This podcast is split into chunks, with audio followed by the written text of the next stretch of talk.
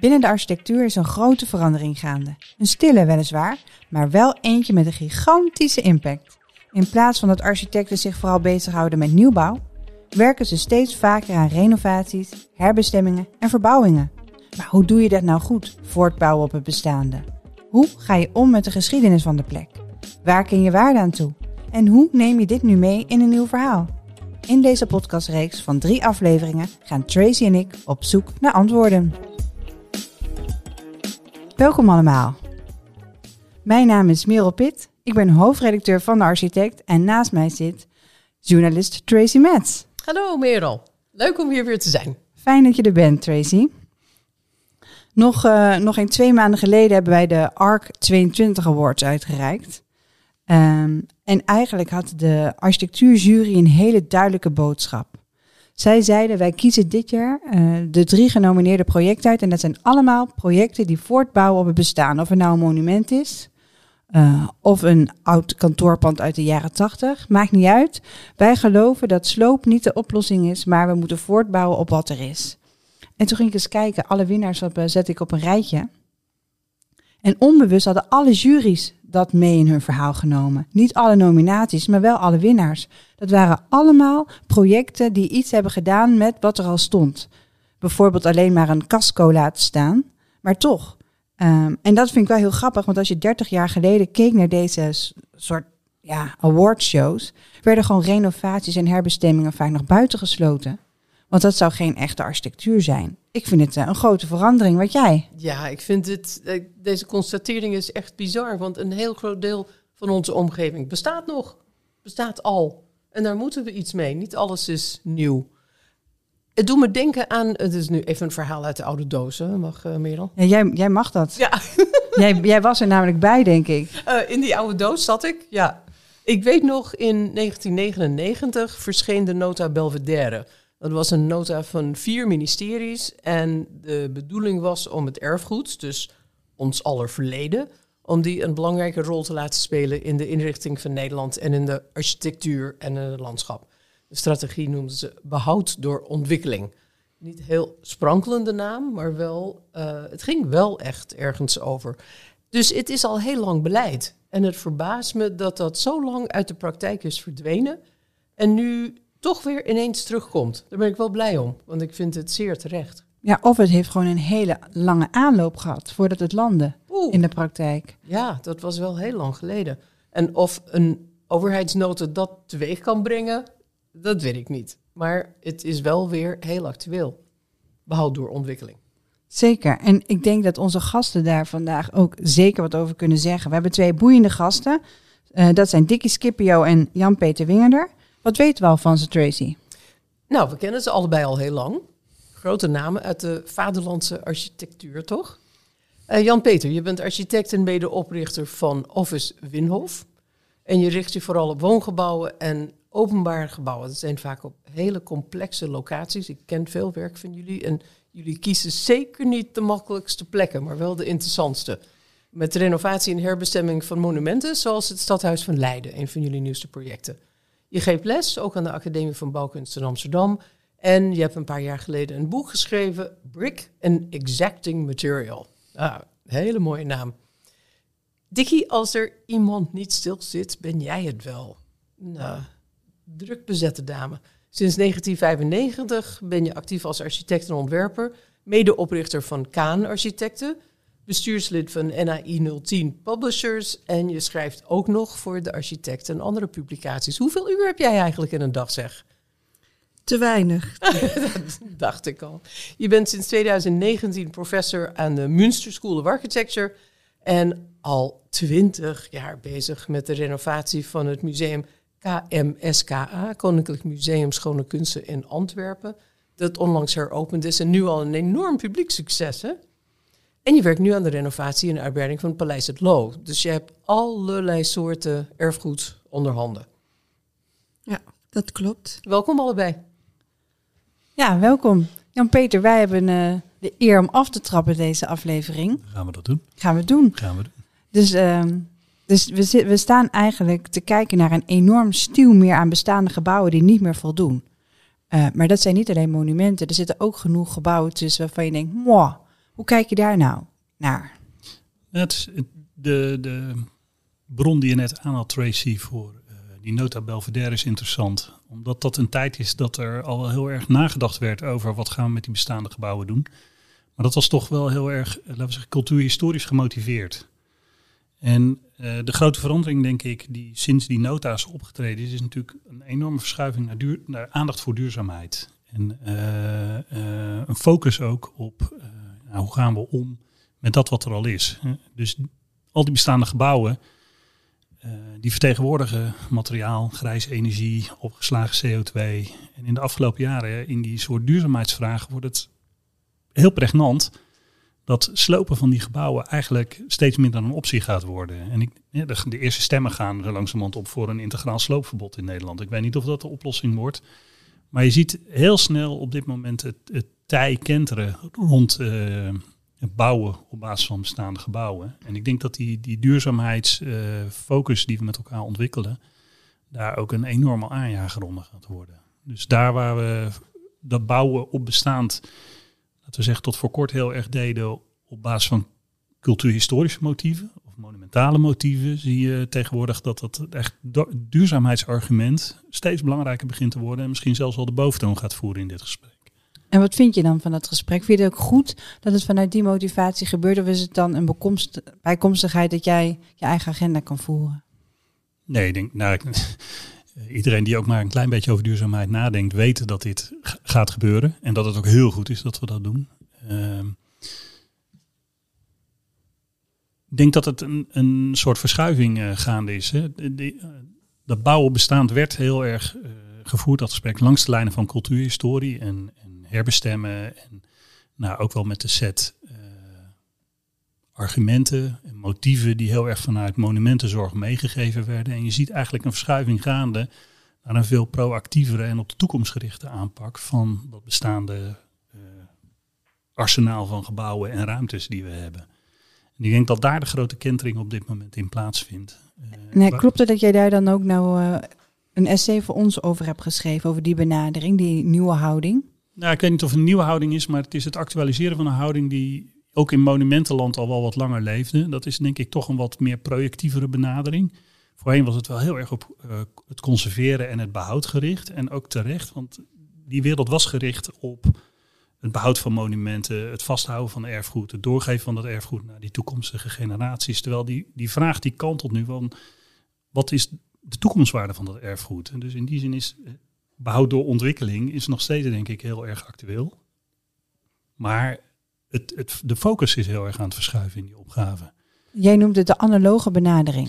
Ja, het, is- het is een spoor in ook eh herbestemmen en omgaan met monumenten wat al veel langer terugloopt. En we doen nu net alsof het een nieuwe opgave is dat architecten zich met eh, bestaande gebouwen uiteen gaan zetten. Maar tot ruim in de 20e eeuw was het staande praktijk voor architecten dat een flink deel van hun opgavepakket was omgaan met bestaande gebouwen, verbouwen, uitbreiden. En eigenlijk dat schisma dat we eh, restauratie- of erfgoedarchitecten hebben en architecten-architecten, om het maar zo te zeggen. Dat is natuurlijk een relatief recente ontwikkeling, vanaf de jaren 30 vorige eeuw. Eh, tot het punt dat een aantal jaren geleden architectuur is nieuwbouw. En er nauwelijks inderdaad over renovaties gesproken werd. En ik denk dat we nu een, een enorm kantelpunt Tijdens de opleidingen kwam het denk ik ook niet aan de orde heel lang. Nee, In onze opleiding was het geen issue. Ehm, wat je ziet in, in eh, die praktijk van voor 1930 is dat er heel veel architecten waren die die analoge benadering aan het ontwikkelen waren. Eh, een architect als Edwin Lutyens in Engeland heeft heel veel landhuizen verbouwd. eh, waarbij soms het helemaal niet aan te wijzen is wat hij deed en wat zijn voorgangers deden. Eh eh, Asplund, het eh, stadhuis in Stockholm, kun je aan de buitenkant zien wat nieuw is, maar aan de binnenkant merk je dat niet meer.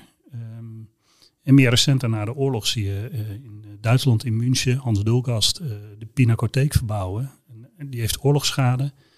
Deels is dat een soort hele abstracte reconstructie, maar tegelijkertijd is het een hele invasieve ingreep in dat bestaande monument. En dat gaat niet over contrast, maar je moet heel goed kijken wat oud en nieuw is daar. En datzelfde zie je bijvoorbeeld met Carlo Scarpa's eh, Palazzo Vecchio in, in eh, Veneto. Dat, dat is een andere houding over hoe je eh, met erfgoed om kunt gaan en hoe je het een nieuwe toekomst kunt geven. En dat is een benadering die inderdaad eigenlijk veel analoger van karakter is dan de karakteristieke contrastrijke benadering, die heel erg vanuit het moderne meegegeven wordt. Dus dan heb je een klassiek gebouw en dan zet je daar een stalen en glazen doos tegenaan. Want dan zie je wat oud en nieuw is. Ja, op die manier aspect doen. Ik kan even uit je essay haal ik graag even wat je nou precies mee bedoelt. Want het is best een uh, analoge benadering. Een moeilijk te vatten begrip, denk ik, voor veel mensen. Dus architecten die zo werken, respecteren het bestaande, repareren waar nodig en nemen het als uitgangspunt voor noodzakelijke veranderingen en aanpassingen. En dus daarmee uh, berust de relatie tussen oud en nieuw op e- overeenkomsten en niet op dat contrast wat je zegt met die stalen doos er tegenaan. Um, en zo hebben jullie bijvoorbeeld ook gewerkt in Stadhuis Leiden? Ja, voor ons is uh, Stadhuis Leiden is daarin wel echt een, een, een ontwikkelstap ook geweest voor ons als bureau.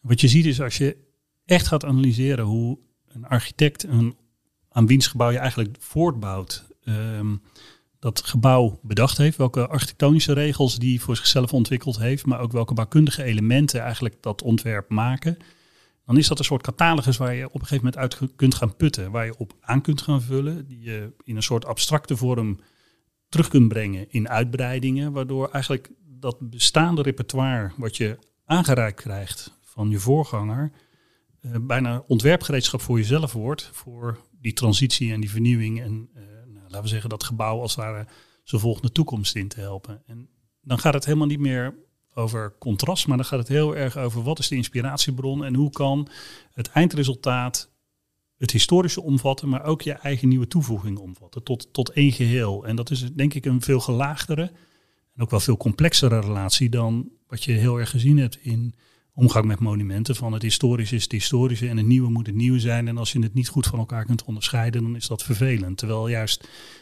soms helemaal niet zo goed kunnen zien waar oud ophoudt en nieuw begint. Eh, geeft een enorme vitaliteit, ook aan dat oude. Ik vond het leuk om met jou het stadhuis in Leiden te bezoeken, want ik ben daar getrouwd. We hebben ook samen in, in de trouwzaal gestaan. Zeker. Tussen de meubels bedekt met plastic en allemaal uh, stof. Dat was wel een, uh, een heel ander soort moment. Maar ik vond het uh, leuk om te zien hoe je niet alleen dingen ingrepen deed en dingen echt naar de hedendaagse tijd gebracht, maar ook gewoon dingen ongedaan maakte. En terug naar hun staat van toen het stadhuis gebouwd werd. Er was bijvoorbeeld een overkapping over de binnentuin. Nou, weg ermee.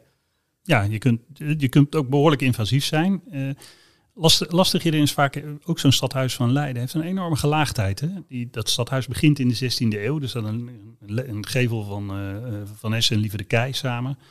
En op een gegeven moment uh, moet Blauw daar een nieuw stadhuis achterbouwen. Dus Blauw moet reageren met zijn stadhuis op die bestaande gevel.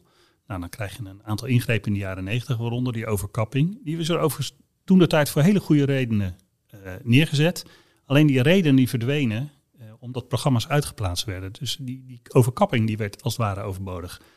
Dan kun je hem ook weer weghalen. En dus in deel was het een soort reconstructieve benadering, als je dat wil. Soms is het ook verbeterend. Hè? Want die binnenhof, die vroeger een soort hele stille contrapunt was in die, in die hele ruimtelijke compositie ten opzichte van het levendige stadhuisplein uh, had een rol verloren. En voor ons was het ook een kans om die binnentuin weer opnieuw vorm te geven en daar nadruk op te leggen. Dus het, het, die, gelaag, die tijdsgelaagdheid van gebouwen en daarmee dus ook dat gedeelde handschrift van een aantal architecten over elkaar heen, ja, dat is wat ons enorm fascineert. En, uh, soms haalt, betekent dat ook dat je dingetjes uit moet krassen die wel gedaan zijn. Je hoeft niet alles te respecteren.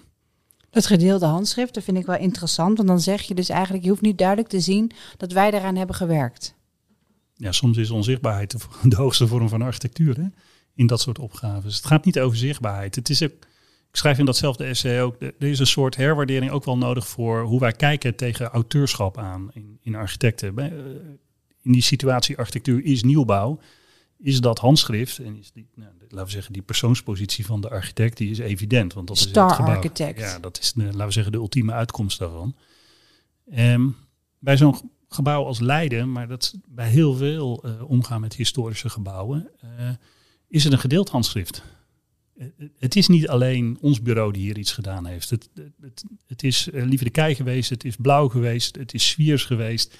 En wij komen ergens in die rij ook nog een keer te staan. Maar, en er zullen na jou ook anderen komen. Ja, zeker. Daar, en ik vind ook dat gebouwen daarop voorbereid moeten zijn. Het, het, het relativeert enorm, laat ik het maar zo zeggen. Maar Tracy, jij zei wel, ik kan wel zien dat Winhof hieraan heeft gewerkt. Ja, ja dat kon ik echt, eh, kon ik echt zien. Ik vind jullie. eh, eh, nou, een van de projecten van jullie die ik ken is eh, de um, oude telefooncentrale in Mhm. Amsterdam, die nu het Hotel W is. Ja. En daar hadden jullie zo'n ingenieuze oplossing voor dat onmogelijk gebouw dat al twintig jaar leeg stond, want niemand kon iets verzinnen. Er zit een enorme betonnen kern in. Dat waren de eh, verdiepingen van de telefooncentrales. En daar ben je, je voert de bezoeker of de gast via een lift helemaal naar boven. En dan als een soort chocoladefontein gaan we weer met z'n allen naar beneden. En die, die ik vond de manier waarop je ehm, met een omweg iets weet te herstellen, vond ik echt heel knap gedaan. En ook in Leiden, omdat ik dat gebouw natuurlijk ook eh, van binnen heb gezien, zoals jullie ook een nieuwe trap hebben toegevoegd aan de ene kant. Je kan zeggen, ik ben benieuwd wat monumentenzorg daarvan vond trouwens, want dit is een behoorlijke ingreep om een heel stuk uit te hakken of toe te voegen en daar een nieuwe trap toe te voegen en ook een gebouw aan de buitenkant. Ehm, nou, dat is nogal wat. Dus Dat is een gesprek. het is Dus- niet. Ja, dat, dat is, is- mooi gezegd. Ja. Het is niet alleen maar respect. Het is ook eh, eh, eh, durven ingrijpen en toevoegen. Ja, dat, dat, je moet, je, je taak is ingrijpen en toevoegen. Het is niet, in die zin is het dus ook echt een andere opgave dan die conserverende erfgoedopgave. Het, het is het gebouw zijn toekomst in helpen. En dan moet je ook durven ingrijpen en ook fors ingrijpen op sommige punten. En in de KNAW in Amsterdam, Koninklijke Nederlandse Academie der Wetenschappen, Ja. hebben jullie een hele doos toegevoegd voor het auditorium. Ja, nou, nou, die doos die stond er al. Dus het grappige was dat het vooral eigenlijk een soort herinrichting van, dat, van die bestaande, eh, wat moeizame jaren zeventig eh, aanbouw was. Eh, dus in die zin was het ook een soort verbouwing van de verbouwing die we daar deden. Dus ook daar speelde die tijdsgelaagdheid toch wel een hele behoorlijke rol. Ehm, maar even terug om naar die vraag. Soms grijp je heel fors in een bestaand gebouw. Eh, wat we wel merken, en daar is denk ik dat W Hotel ook een goed voorbeeld van. Eh, als architecten heb je een soort analytische vaardigheden die je mee kunt geven naar, of mee kunt nemen bij zo'n ontwerpopgave. En vaak blijkt dat typologisch denken of een gebouwtypologie doorgronden en op basis daarvan toevoegingen doen een hele mooie sleutel is om een bestaand gebouw de toekomst in te helpen. Ik denk ook dat dat het knappe is bijvoorbeeld van het museum wat jullie in eh, Antwerpen opleveren. Dat is een eh, van de buitenkant onzichtbare ingreep die jullie doen. Het is een soort verdichting van het, van het bestaande gebouw. Ja, dat is eh, volkomen onzichtbaar aan de buitenkant. In die zin snap ik wel dat je dat eh, aardig vindt. Ehm, ik denk wel dat een hele andere aanpak in eh ten grondslag. eh, Ja, dat denk ik ook. Nou, ja, ik ben benieuwd. Hoe pak jij het dan aan? Wauw, in algemeenheid. Nou, ik denk dat we eerst even stil moeten staan bij het feit dat we een hele um, grote uh, hoeveelheid gebouwen hebben die in de laatste eeuw, zeg maar, door technische en functionele veranderingen um, zijn aangepakt, uh, verbouwd, gerenoveerd. Met de beste intenties, maar um, wel met het gevolg dat ze niet meer de schoonheid en um, de kracht hebben die ze hadden toen ze uh, gebouwd waren. Dingen verrommelen. Ja, uh, ik, ik, noem het altijd hè, cluttering. Het is heel erg volgepropt met nieuw programma, maar ook met allerlei technische innovaties. En um, voorheen was het natuurlijk eigenlijk heel raar dat je zegt tegen een klant: ik bouw voor een korte tijd. Je bouwt voor de eeuwigheid. En uh, je wilt natuurlijk uh, ook dat dat gebouw uh, tot de eeuwigheid kan blijven staan. En, en dat mensen dat ook willen, dat ze het omarmen. Nou, in die hele lange tijd waarin zoveel nieuw programma is toegevoegd en nieuwe technische uh, innovaties zijn toegevoegd, um, werkt dat eigenlijk niet meer dat je bouwt voor de eeuwigheid. Die gebouwen, die, dat, dat lukte niet meer. En uh, dus het is vaak zo als je uh, begint dat je eerst alles er weer uit moet halen. Dat je een soort opschoon uh, actie moet beginnen. Ja, op opruimen is een heel, heel groot onderdeel van het ontwerpproces. Dat herken ik heel erg. Maar toch zeg jij, ik doe het heel anders dan wat Jan-Peter nou uh, vertelt. Ehm, nou ja, je begint met het opschonen om te kijken wat is de essentie van die gebouwen ooit geweest. En dat kan heel verschillend zijn. En ik ben zelf met uh, gebouwen vanaf de middeleeuwen tot aan uh, de jonge, jonge monumenten bezig. Dus het is een hele grote range.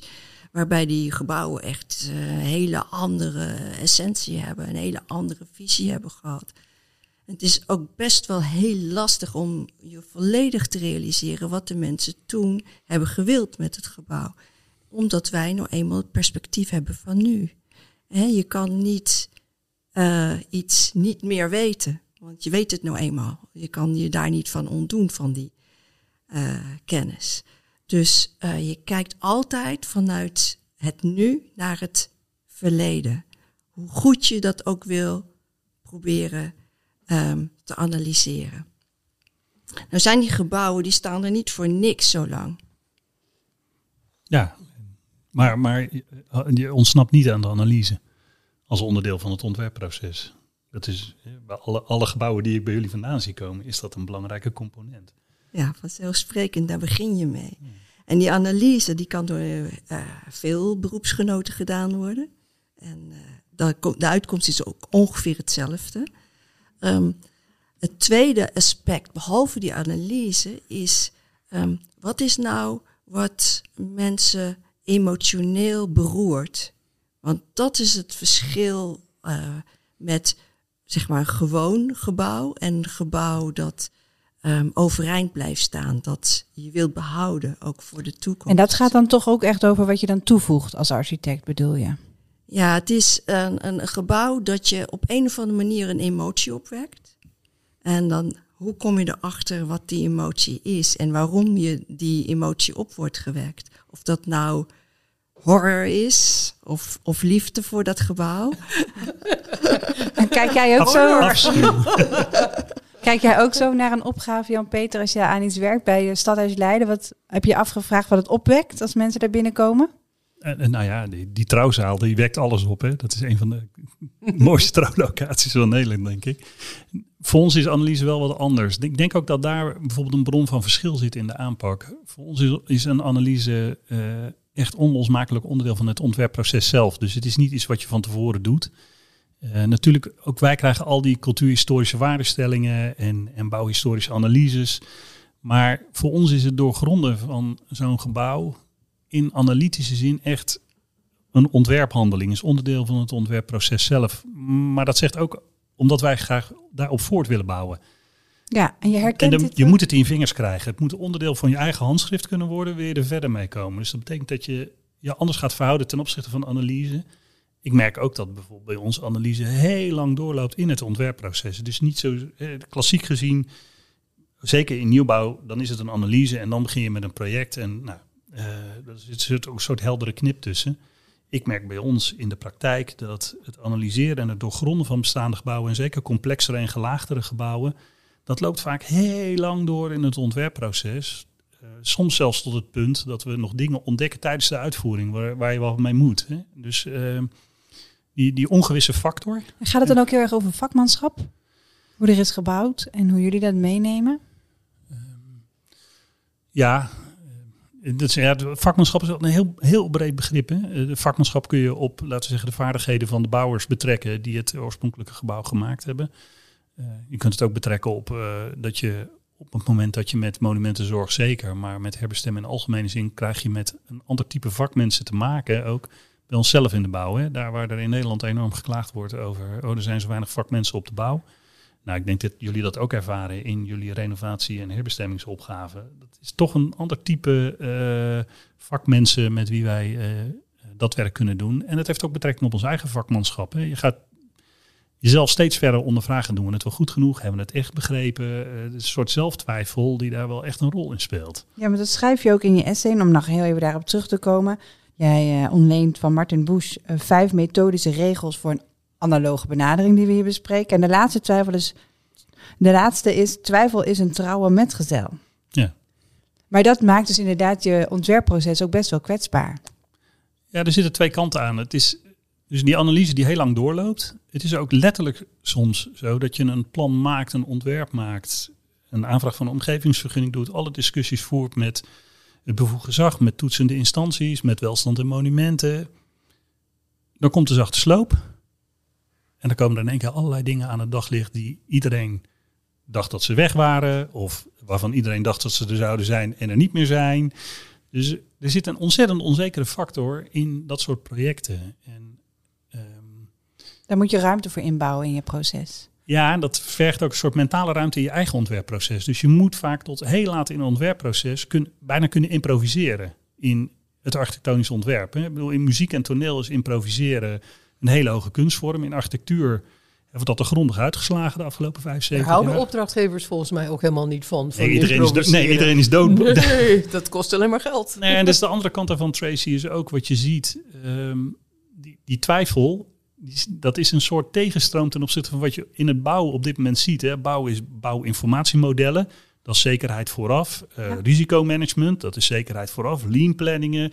Die hele bouw is erop gericht om zo vroeg mogelijk in het proces zoveel mogelijk onzekere factoren Ja, uit te heel sloten. risicomijdend. Ja, Ehm, zo- wij zijn zo langzamerhand de grootste risicofactor in een, in een ontwerpproces. Nou, ja, dat ja, ja. jullie al lang.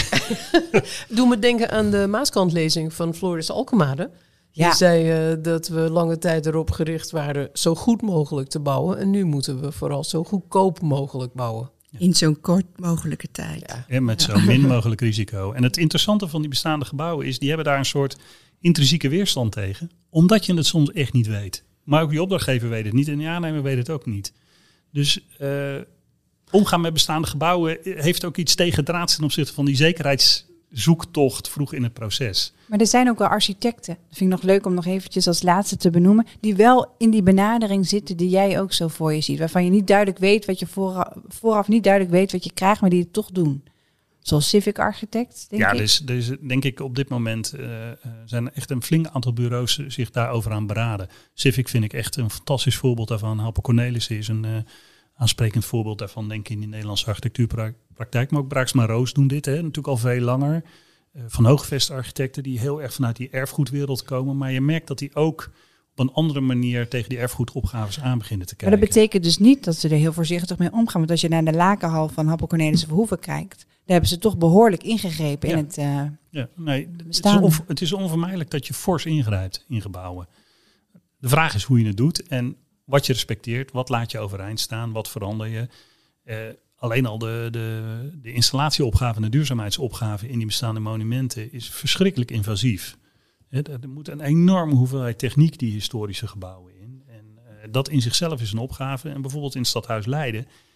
Ik denk dat, dat 70% van ons werk zat in het inpassen van die hele installatietechniek en die hele duurzaamheidstechniek. Met als enige doel dat je het niet ziet. Dus het is, je gaat, er gaat ontzettend veel creativiteit zitten in dingen die je helemaal niet ziet. onzichtbaar maken. Ja. Het viel me altijd op als je met architecten door hun project loopt, dat je altijd eindigt in de, De machinekamer. de machinekamer. nu snap ik waarom. Ja, dat is toch een trots. Ja, dat was het moeilijkste. Ja, wat dat is ook het moeilijkste vaak. Ik ben een keertje ook met Wiel Arets geweest in zo'n machinekamer. Hij was heel trots dat er maar een gietvloertje in laten leggen. Want hij zegt, ja, ook dit is een mooie op ruimte geworden, Merel. Ik zeg, hartstikke mooi, ja. Dan nog allerlaatste vragen. Ehm, stel, er mag een gebouw in Nederland aanpakken met jouw analoge benadering. Welke Jee. zou je graag aanpakken? Oh jee, Ja, dat, je had hem gestuurd van tevoren en ik, ik blijf het antwoord schuldig. Het, het- er zijn zoveel mooie gebouwen. eh, Het Binnenhof. ik- daar werken we aan. Dus die hoef ik niet, daar droom ik niet meer van. Oh, Nee, er zijn, er zijn ontzettend veel eh, gebouwen in Nederland. Ja, waarvan ik soms denk van, oh, die benadering zou daar gewoon heel veel goed doen. Maar ik zie ook dus heel veel ontzettend goede architecten op dit moment die opgaven aanpakken. Dus ik, ik- soms is het mijn eigen fascinatie, maar soms zit ik ook heel gefascineerd te kijken naar het werk van collega's. Ik denk van, oh, dat heb je slim gedaan. Of hey, dat heb je mooi. Wat vind je slim bij het eh, schoenenkwartier in Waalwijk door Civic? Nou, de, laten we zeggen, eh, het soort respect ten opzichte van het, van het Krophollergebouw en het laten resoneren van een jaren tachtig uitbreiding op een eigentijdse manier met dat historische gebouw en tegelijkertijd heel duidelijk maken, dit is nieuw. Die soort ambivalentie die in dat plan zit, dat, dat is razend knap gedaan. En dat vind ik echt, eh, dat is hands down een topproject in Nederland. Dus eh, daar kan ik alleen maar met heel veel waardering en plezier naar kijken en Ja. heel veel respect voor hebben. Leuk om te horen. Ook met biobased materialen in die, in die mix. Dat vond ik ook Ja, knap. zeker. Die kalkhennep eh Bali, Mhm. die mooie tegelwand. Mooi. Ja. Nou, dankjewel voor dit eh, leuke gesprek. Eh, ik heb hartstikke veel geleerd en ik ben heel benieuwd naar het volgende gesprek, Daisy, met eh Dickie. Wat vind jij van dat integraal sloopverbod, Merel, waar eh, Jan-Peter het over had? Het lijkt me een interessante uitgangspunt om dat gewoon eens te doen. We hebben dus net Christian Boret daarover geïnterviewd, de redactie. Hij wil dat in Brussel ook gaan doen. Nu is dat een heel ingewikkelde opgave. Dat geeft hij ook meteen toe. Dat ga je niet halen. Maar om dat nou eens als uitgangspunt te nemen. En wat ik dan ook grappig vind, en dat herken ik erg in het gesprek met Jan Peter, dat hij zegt van ja, dan hebben we het dus niet meer over handschrift. Maar dat vraagt om heel veel intellect van de architecten. En dat gaat over die analyse en om dat begrijpen, dat voelen van wat er is gebeurd. En wat ook op een plek aan de hand is. En, en dat gaat dus verder dan eh, de verhalen in steen. En dat vind ik ook interessant, want zodra je eens behoudt wat er is, behoud je veel meer dan alleen die stenen. Ik denk, mooi, Oh, spannend. Dit is, mooi echt, spannend. dit is echt een grote opgave voor onze tijd. Hè? We hebben echt iets te pakken hier. Hartstikke leuk. Ik vond die vraag ook die aan het begin langskwam over die hele hoos aan gebouwen uit de jaren 60 en 70. Wat gaan we daarmee doen? Die zijn ook eh, zeer aan vernieuwing toe. Hè? Asbest, klimaatinstallaties. Ehm, lastig vanwege de monumentenregelgeving. Maar we zien ook allemaal wel dat we willen dat onze omgeving zijn historische waarde en uitstraling behoudt. Dus eh, ik ben benieuwd waar dat heen gaat. Je ziet het, het brutalisme bijvoorbeeld. Hè, daar komt ook een boek over uit binnenkort in Nederland. Eh, in Engeland is dat al een tijdje weer een geliefde stijl. Maar, eh, Allemaal beton, denk ik dan. ja, ja, en dat vinden we helemaal niet milieuvriendelijk. Dat is het ook niet. Maar we willen die gebouwen ook niet kwijt. Dus we staan echt voor een eindeloze reeks dilemma's. Nikki, hartstikke leuk. Fijn dat je er bent. Je begon daar straks te zeggen ehm, dat je werkt in heel veel verschillende tijdperken. Ja. En dat is ook zo, als ik een paar voorbeelden mag noemen. Eh, je begint net aan het Katerijnenconvent in Utrecht, middeleeuwen. Paleis het Loo, 17e eeuw. Museum in Antwerpen, 19e eeuw. Probeer voor mij nou aan te geven, wat is de gemene deler waarmee je zoveel verschillende stijlen en tijdperken benadert? De gemene deel is erachter te komen wat die essentie van die gebouwen nou is. En vanuit die essentie verder te werken in het hedendaagse. En dat is wat anders dan het restaureren of het behouden van wat er is. En er zit een heel groot verschil zit daarin. En het komen tot wat nou echt is wat emotioneert, wat, je, wat ehm, zo krachtig is in die gebouwen. Daar zit, het, de, zit de, de crux. Kan je, kan je dat terugvinden? Kan je dat op een of andere manier tevoorschijn halen? En dan moet je door al die klutter en verrommeling heen kunnen kijken. Die moet eerst uit om het te kunnen lezen. Ehm, het is makkelijk als daar maar eh, alleen maar een technische of functionele tijdslaag in zit. Maar soms zijn er ook andere architecten geweest van, met kwaliteit die aan een gebouw gewerkt hebben. Ehm, maar er is altijd iets wat maakt dat het gebouw tot nu toe staat. Het moet tijdsbestendig zijn op de een of andere manier. Dus er moet iets zijn waardoor mensen van het gebouw zijn gaan houden. Of juist niet. En je vertelde net eh, in dit gesprek dat van de hele renovatie en toevoeging van het museum in Antwerpen is aan de buitenkant niets te zien. Nee, dat hebben we expres gedaan. Ja, expres. Waarom? Ja, dat is heel grappig, want eh, we begonnen in 2003 aan de prijsvraag. En eh, toen stond daar dat hele klassicistische, monumentale gebouw. Naar een eeuw waarin we dat helemaal niet wilden. Hè. Klassicisme na de wereld, Wereldoorlog, dat wilden we niet meer. We wilden democratische, toegankelijke gebouwen, letterlijk en figuurlijk. En daar stond dat eh, enorme monument daar. De, de, de, de, het verhaal ging ook dat het al lang gesloopt zou zijn als het niet te groot was en ze niet wisten wat ze met die kunst aan moesten. Dus, dus het was een heel onpopulair gebouw in een heel onpopulaire wijk uh, op het moment dat we eraan begonnen. En uh, wel werden dan de eerste zaden gelegd uh, van de mode-industrie die daar ging zitten. De cafeetjes, de galeries. Er ging wat gebeuren daar. En op dat moment, als je dat realiseert, dan weet je dat misschien is nu de tijd, of was toen de tijd er nog niet rijp voor, maar het zou wel spoedig komen dat het weer geherwaardeerd werd. En dat, samen met het feit dat het museum een van de eerste binnen de gebouwtypologie van een museum gebouwd was, daarmee kan je zeggen van ja, dat is eigenlijk, dat gebouw is eigenlijk onderdeel van zijn eigen collectie. Dus je moet het behouden. Nou, dan heb je de eerste stap gezet. Het gebouw moet behouden blijven. Maar het is een enorm zwaar gebouw. Dus als je daar aan uit wil breiden en je wil dat doen onzichtbaar, dan moet je dat ergens binnen de contouren van het gebouw doen. En dan moet je dat doen uit respect, vind ik, voor de krachtige architectuur op een hele krachtige wijze. En uh, dat bedoel ik met het vinden van de essentie van dat gebouw. En dan uh, daar een antwoord op geven in de hedendaagse ja, tijd. Ja, er was een uh, mooie uitspraak over, juist ook over dit gebouw door Bart Tritsmans, die voor de architect erover schreef. En hij zei over jouw filosofie: sterke architectuur respecteer je het beste door er sterke architectuur tegenover te plaatsen. Dus je voegt je helemaal niet naar dat wat er is. Je zet er iets eigens in of naast of op. Ja, soms uh, kan dat ook wel een beetje verweven zijn. Uh, dat heb ik ook bij verschillende gebouwen gedaan. Maar soms moet het echt krachtig zijn. Maar niet... Kaan heeft ook een hele duidelijke handtekening. Hè? Je herkent een gebouw van Kaan echt uh, nou, op een kilometer afstand. Is dat zo? Nou, voor deze niet, want je ziet aan de buitenkant niks. Maar... Nee, maar de foto's, de redactie weet dat het meteen als we een kaanproject te pakken hebben. Ja, ja. Oh, goed gedaan. Dus dat, ja, vind je goed? Hoe kijk jij naar het project dan, Peter? Ja, ik, ik, heb, ik heb het nog niet gezien. Nee, dus, eh, alleen van de foto's. Ja, precies. En dan heb, heb je datzelfde. En tegelijkertijd, als ik naar de plattegronden kijk, denk ik van... oeh, hier is een hele knappe puzzel gelegd, ruimtelijk gezien en typologisch. Dus ik ben heel benieuwd naar het gebouw. En dat contrast, dat herken ik, wat je zegt. Tegelijkertijd, als jullie bijvoorbeeld de walvis aanpakken in Amsterdam, dan staat er een gebouw waarvan een hoop mensen volgens mij helemaal niet doorhebben dat het helemaal gerenoveerd is en vernieuwd is. Dus het is. Vertel, is wat, het, wat is dat precies? Een uh, kantoorgebouw?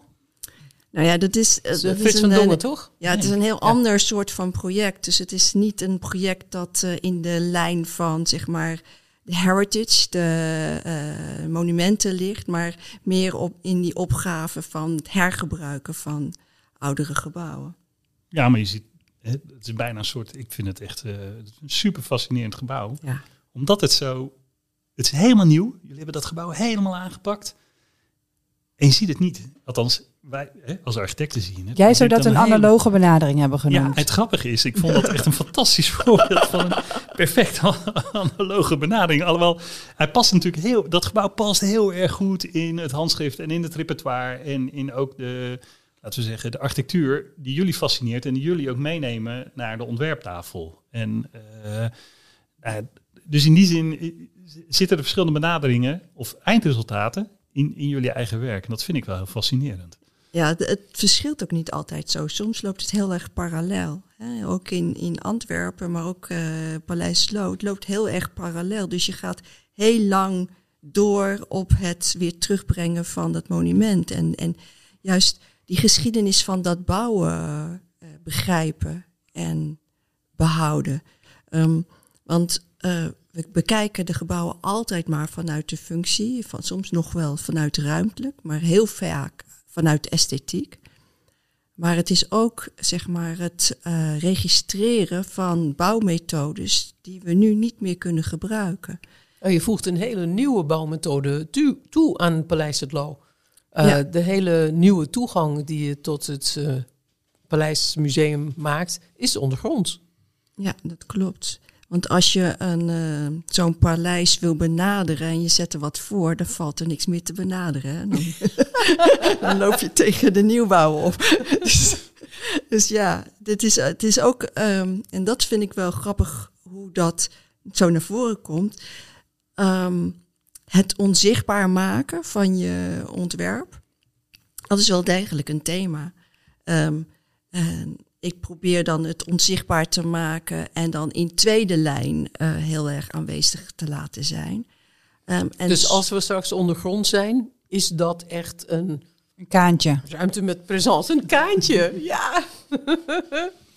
Nou ja, het is in ieder geval, uh, ja, als je, als je binnenstapt, dan, dan kom je wel in een andere wereld. En uh, bij Paleis het Loo is het hele gebouw, die nieuw, hele nieuwe uitbreiding, die is helemaal toegespitst op het beleven van het oude gebouw.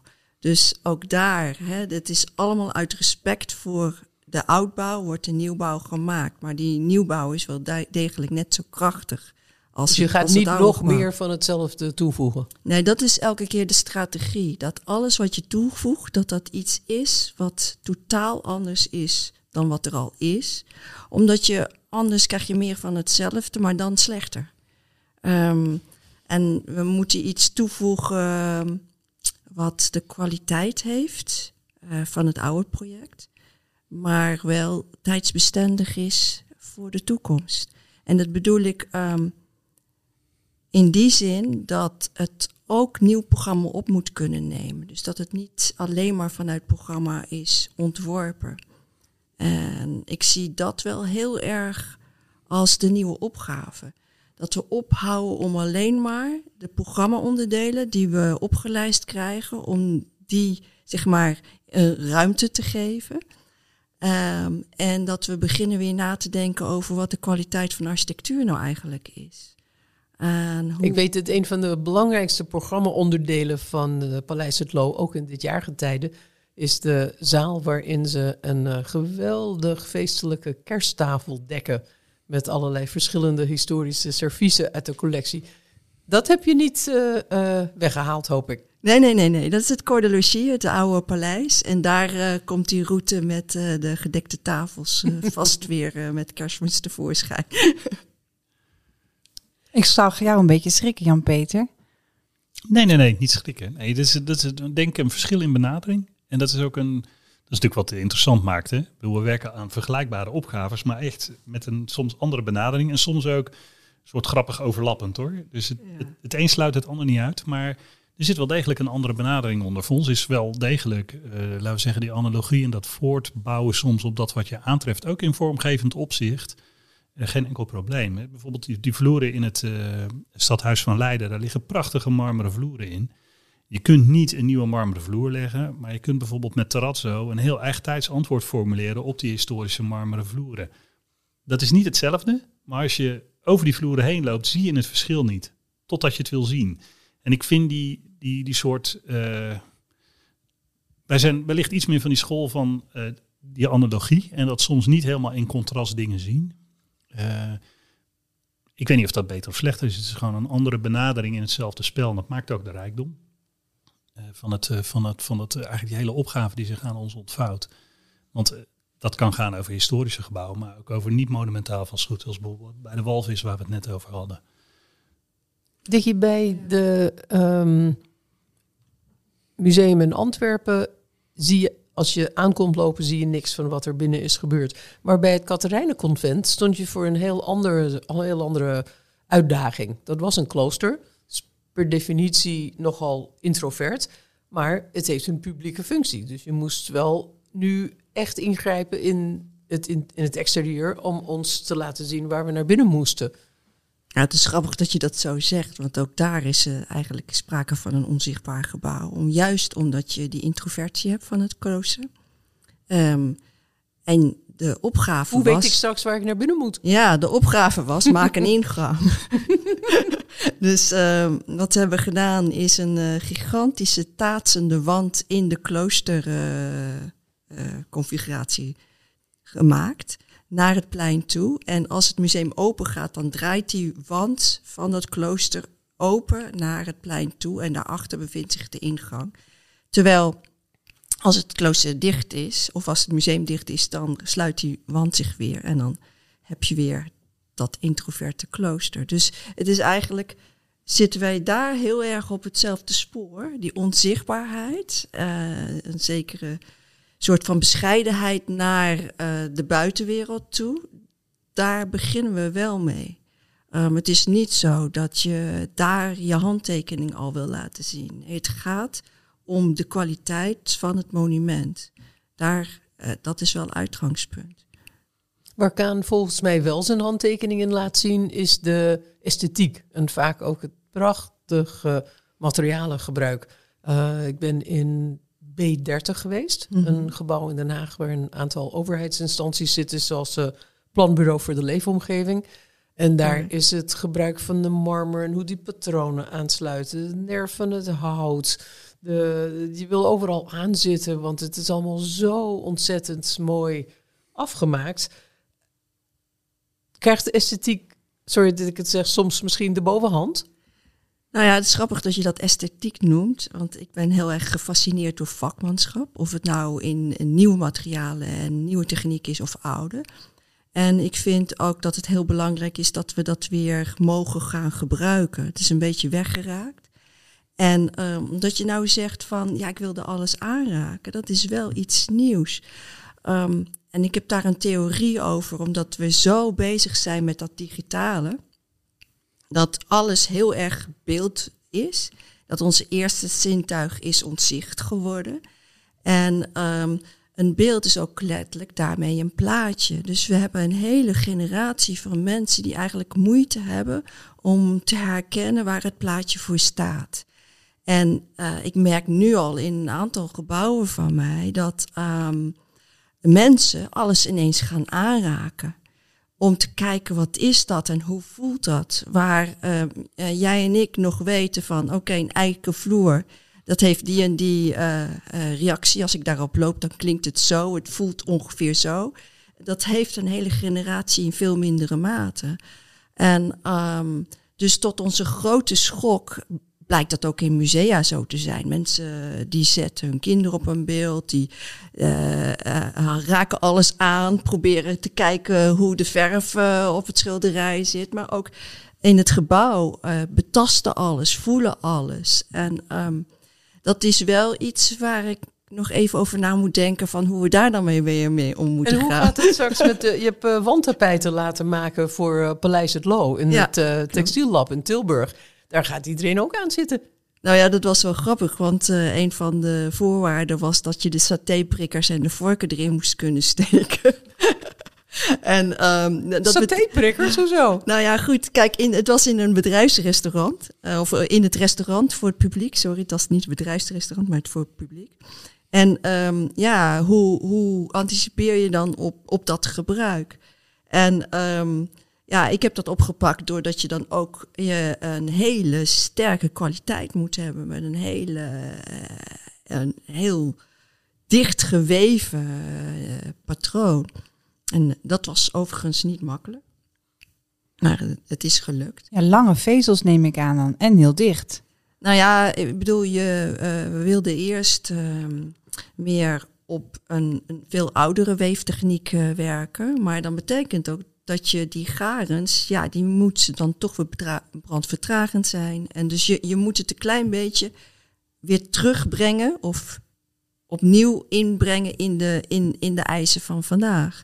Dus je moet je de techniek eigen maken en dat weer herinterpreteren in, in deze tijd en de toekomst. Nou, dat een wandtapijt satéprikker bestendig moet zijn, dat had ik niet kunnen bedenken. ik heb ja. een vraag voor jullie uh, allebei uh, tot slot. Dit hele gesprek dat we nu voeren heeft implicaties voor de rol van monumentenzorg. Um, een van onze gasten in deze reeks zal zijn uh, Sjoerd Soeters. En die heeft het uh, in zijn welgekozen bewoordingen over de groene plankenmafia. Monumentenzorg kan nu niet meer toe met alleen maar vasthouden aan een, aan een ingekookt beeld van het verleden en alle daarbij horende materialen en toepassingen. Monumentenzorg moet toch mee? Wat denken jullie? Ja, ik heb daar een heel, heel stevig uh, standpunt in. Kom maar op. ja, dat, het, het betekent eigenlijk als je wil conserveren, dat kan je eigenlijk alleen doen om door iets dood te maken of te comatiseren. En als je iets wil behouden um, voor de toekomst, dan betekent het dat het zal moeten leven. En leven betekent eigenlijk intrinsiek al dat het verandert. Dat betekent niet dat je het niet kan respecteren. Dus uh, het zit heel erg in het uh, begrijpen, het analyseren. eh, van de kwaliteiten van iets wat er was. En dat waar je kan gebruiken en waar het niet kan, omdat je daarmee zeg maar het gebruik en de kwaliteit van het gebouw uh, tegen zou gaan, um, ja, dan moet je het veranderen. Daar zit het hem in. En uh, Jan-Peter doet dat meer geleidelijk. Uh, terwijl ik daar misschien iets krachtiger tegenaan ga zitten. Um, maar we bedoelen hetzelfde, denk ik. In essentie komt het op hetzelfde neer, ja. En nee, het, het, het, het ik vind elkaar. het nou, ik vind het interessante. De, de, kijk, de Groene Plankenmafia is een typering van uh, een opvatting over monumentenzorg. Die volgens mij in rap tempo ook in monumentenkringen aan het veranderen is. Dus het typeren van monumentenzorg als een soort statische club van uh, oude dames en heren met grijze hoedjes die overal nee oproepen. Ik denk dat dat echt in rap tempo achter ons ligt. Hè. Ik maak steeds meer mee als wij met erfgoed omgaan. Dat we hele assertieve uh, mensen tegenover ons of met ons eigenlijk vinden in die discussie van hoe ga je met een bestaand gebouw om. Dus alleen maar de soort uh, jet-politie uh, waar uh, Sjoerd naar refereert. Ik denk dat die inmiddels gelukkig ook wel ver achter ons ligt. En dat het besef dat die monumenten alleen maar verder kunnen, zoals je dat zegt, Dikkie, door ze een nieuwe bestemming te geven of dat nieuwe gebruik te accommoderen. Dat is zo langzamerhand ook in monumentenkringen toch wel breed gedragen. Dus ik denk dat daar ook wel een kentering gaande is. En ik denk ook dat die hele grote golf van hergebruik die er ons, op ons afkomt, ook zijn repercussies zal hebben op hoe we überhaupt naar cultureel erfgoed kijken. Dus het, het um, aangeven van een soort status als rijksmonument of gemeentemonument of provinciemonument, uh, ja, dat is een relatief klein deel van die hele grote opgave. Ja, want er komt ook een grote. We hebben het vandaag eigenlijk toch ook heel veel gehad over gebouwen waar we op zich van houden, die heel mooi zijn. Maar er komt natuurlijk een hele grote uh, opgave aan. Post 65 is dat in erfgoedland de term. Um, jaren 70, daar houden we toch nog wat minder van. Uh, en, ja, je moet soms wat meer je best doen bij die gebouwen. Maar we hebben nu een aantal van dat soort gebouwen onder handen. Die hebben dus ook geen monumentenstatus. En het grappige is dat de aanpak die we hanteren voor monumenten eigenlijk precies hetzelfde is als we dat met die post 65 gebouwen doen. En ook daar is toch het zorgvuldig afpellen van wat zijn kwaliteiten, hoe ga je hiermee om, wat is de betekenis van dit gebouw in de stad. En soms zijn dat ook best onhandige gebouwen. We hebben net een gebouw van Arthur Staal aan het Frederiksplein opgeleverd. Nou, Arthur Staal was niet altijd even makkelijke architect in een historische omgeving. Maar dat gebouw heeft uh, enorm veel kwaliteiten in zich. En dat verdiende ook in dit geval een bijna restauratieve benadering van een jaren zeventig gebouw. Dus in die zin um, denk ik, nou laten we zeggen, van die, die aanpak van POS 65 gaat ook nog heel veel uitkomen richting over hoe we naar monumenten kijken, maar ook onze eigen waarderingskaders ten opzichte van die gebouwen. Ja, vinden ik, ze nu onhandig en lelijk, maar dat zijn ze niet. Nee, ik moet nou meteen ook denken aan alle Newtowns, uitbreidingswijken. Um, in Nieuwegein zijn 50 scholen die eigenlijk een upgrade nodig hebben. Ja. Dus, uh, maar daar gaan we het hebben uh, in een andere aflevering met Michelle Provoost. Die heeft daar ook onderzoek naar gedaan. Ik wil nog heel even in de bres springen voor al die oude rakkers met die enorme, nee, maar die enorme kennis van die oude gebouwen. Want um, het, het is wel zo dat uh, wij een beetje geneigd zijn als, als mensheid om de, het kind met het badwater weg te gooien. En um, ja, ik leun heel sterk op al die mensen die uh, bij alle monumentendiensten zitten met een ongelofelijke uh, bronnen aan kennis, aan, aan, die weten zo ontzettend veel. En ja, misschien um, zijn ze soms iets te behoudend. Maar um, ik wil wel heel graag dat ze er blijven om te, te kunnen positioneren, juist. Um, als zij er niet meer zullen zijn en, en, en wij maar wat gaan doen, dan, dan krijg ik iets wat ik bij mijn studenten herken: een liefde voor uh, alles wat oud is, zonder dat uh, heel goed wordt verstaan wat, waar het onderscheid in zit. Dus die hele precieze kennis is wel echt noodzakelijk. En laat het alsjeblieft ook niet helemaal weg, weggaan en uh, verwijderd worden in, in een soort schoonmaakactie dan ook bij monumentenzorg. Um, ja, dat is een mooie shout-out naar uh, monumentenzorg. Dankjewel. Tracy, volgende week eh, gaan we eh, weer doorpraten over dit onderwerp met niemand minder dan Herman Hetsberger. Ja, leuk. Hoe Ja. oud is hij wel niet intussen? 90. Nou, held. Ik, eh, ja, zijn oeuvre is eigenlijk nu gewoon geschiedenis, hè, kunnen we gewoon zeggen. En verschillende gebouwen zijn toe aan een upgrade, waaronder Centraal Beheer. We hebben samen de film, die volgend jaar in première gaat, al mogen bekijken.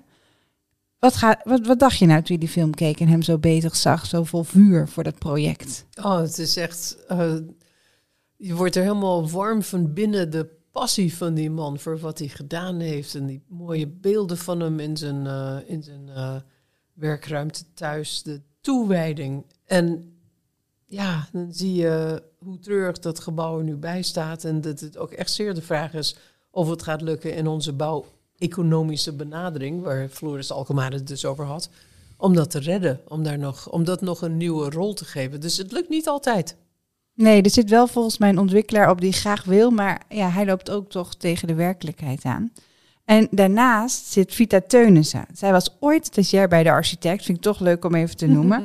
Maar ze is, eh, ze is eh, hard opgegroeid in haar eh carrière ladder omhoog geklommen. Ze is nou partner bij Steenhuis Meurs. Ze is opgeleid als zowel architect als architectuur-historicus. En haar werk verenigt ze allebei. En ze gaat altijd op zoek naar het DNA van een plek. Ehm, uit verschillende tijden. Ja, op een soort van narratieve manier bekijkt ze altijd naar eh, de gelaagdheid van een plek. En probeert ze dat eh, ja, in kaart te brengen. Wat ik wel mooi vond, is dat ze zegt... ja, we brengen heel vaak troost met onze verhalen. Als er dan geen oplossing is voor Mm. een bepaalde plek... zoals Den Haag Centraal, blijft altijd een door in het oog. Ze zegt, ja, wij zijn erachter. Het is al 70 jaar lang een door in het oog. Dus ja, misschien is het ook niet op te lossen. Dus, nou, inderdaad, een troostende woorden van Vita, kijk ik ook naar uit. Houd onze socials en nieuwsbrief in de gaten voor de volgende podcast, want die komt 5 december online. Dank Dikkie en Jan-Peter voor dit mooie gesprek. Dankjewel voor de uitnodiging. Ja, dankjewel. Dat is eh, heel goed, zo'n gesprek. En dank Tracy dat je er weer was. Ook dank aan alle luisteraars. Eh, dank voor jullie aandacht. Deze podcast is mogelijk gemaakt door onze abonnees. Heb je ervan genoten? Overweeg dan eens een abonnement op de architect. Tot volgende week.